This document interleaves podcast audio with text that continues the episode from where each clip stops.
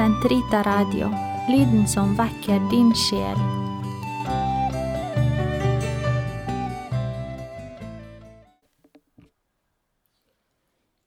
Den katolske kirkes katekisme, uke 6, paragraf 105 til 114.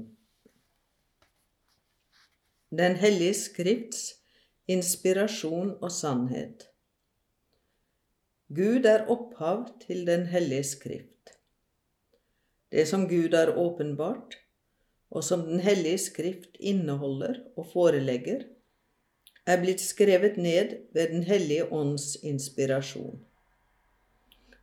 Den hellige kirke, vår mor, holder nemlig for hellige og kanoniske ifølge den apostoliske tro, i deres helhet og alle deres deler, bøkene i så vel Det gamle som Det nye testamentet, fordi de er blitt skrevet ned under Den hellige ånds inspirasjon, og dermed har Gud som opphav, og fordi de er blitt overgitt til Kirken som sådanne.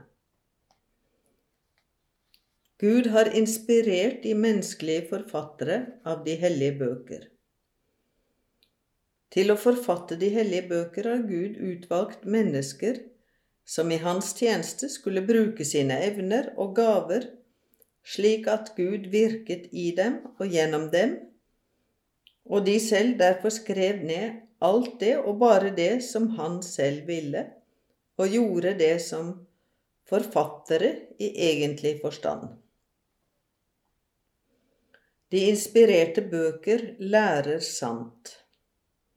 Når altså alt det som de inspirerte forfattere, de såkalte hagiografer, slår fast, bør anses som fastslått av Den hellige ånd, blir konsekvensen den at Skriftens bøker må sies å lære urokkelig, trofast og uten feiltagelse den sannhet som Gud med henblikk på vår frelse har villet ha nedskrevet i disse hellige skrifter. Kristendommen er imidlertid ikke noen bokreligion.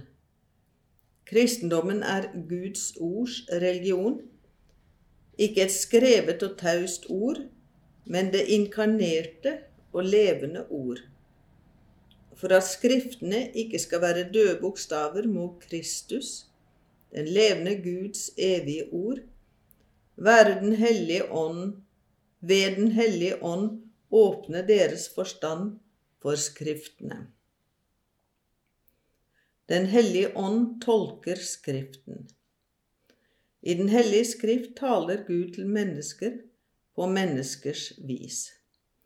For å tolke Skriften rett må man derfor nøye legge merke til hva de menneskelige forfattere virkelig har villet uttrykke, og hva det er Gud vil si oss gjennom deres ord.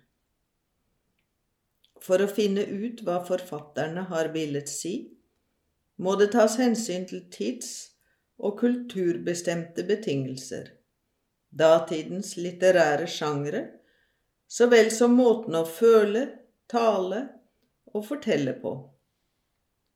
Sannheten fremsettes og uttrykkes nemlig forskjellig i tekster som i vekslende grad er historiske, profetiske, poetiske eller også tilhører andre litterære former.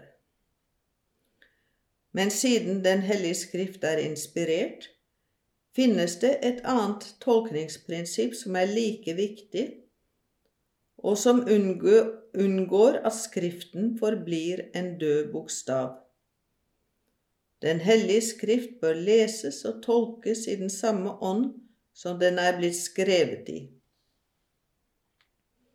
Det annet Vatikankonsil setter opp tre kriterier for en tolkning av Skriften som er i samsvar med den ånd den er inspirert av. 1. Først og fremst må man ta hensyn til hele Skriftens innhold og enhet. For selv om de bøker Skriften er sammensatt av, er forskjellige, er Skriften allikevel én fordi Guds frelsesplan er én, og i sentrum står Kristus Jesus og hans hjerte, som ble åpnet i hans påske. Kristi hjerte betegner Den hellige skrift, som lærer oss Kristi hjerte å kjenne. Før lidelsen var dette hjertet lukket fordi Skriften var uklar. Men etter lidelsen ble Skriften åpnet fordi de som fra da av forsto, nå kan skjønne og skjelne hvordan profetiene skal tolkes. 2. Dernest må man lese Skriften i pakt med hele Kirkens levende tradisjon. Ifølge et ordtak fra fedrene kan Skriften leses tydeligere i Kirkens hjerte enn på det pergament den er skrevet på. I tradisjonen bærer nemlig Kirken det levende minnet om Guds ord, og det er Den hellige ånd som gir den åndelige tolkning av Skriften, etter den åndelige mening Ånden skjenker Kirken. 3. Endelig skal man være oppmerksom på troens analogi, eller samsvar. Med troens Analogi menes samsvaret mellom trossannhetene seg imellom og med åpenbaringen som helhet.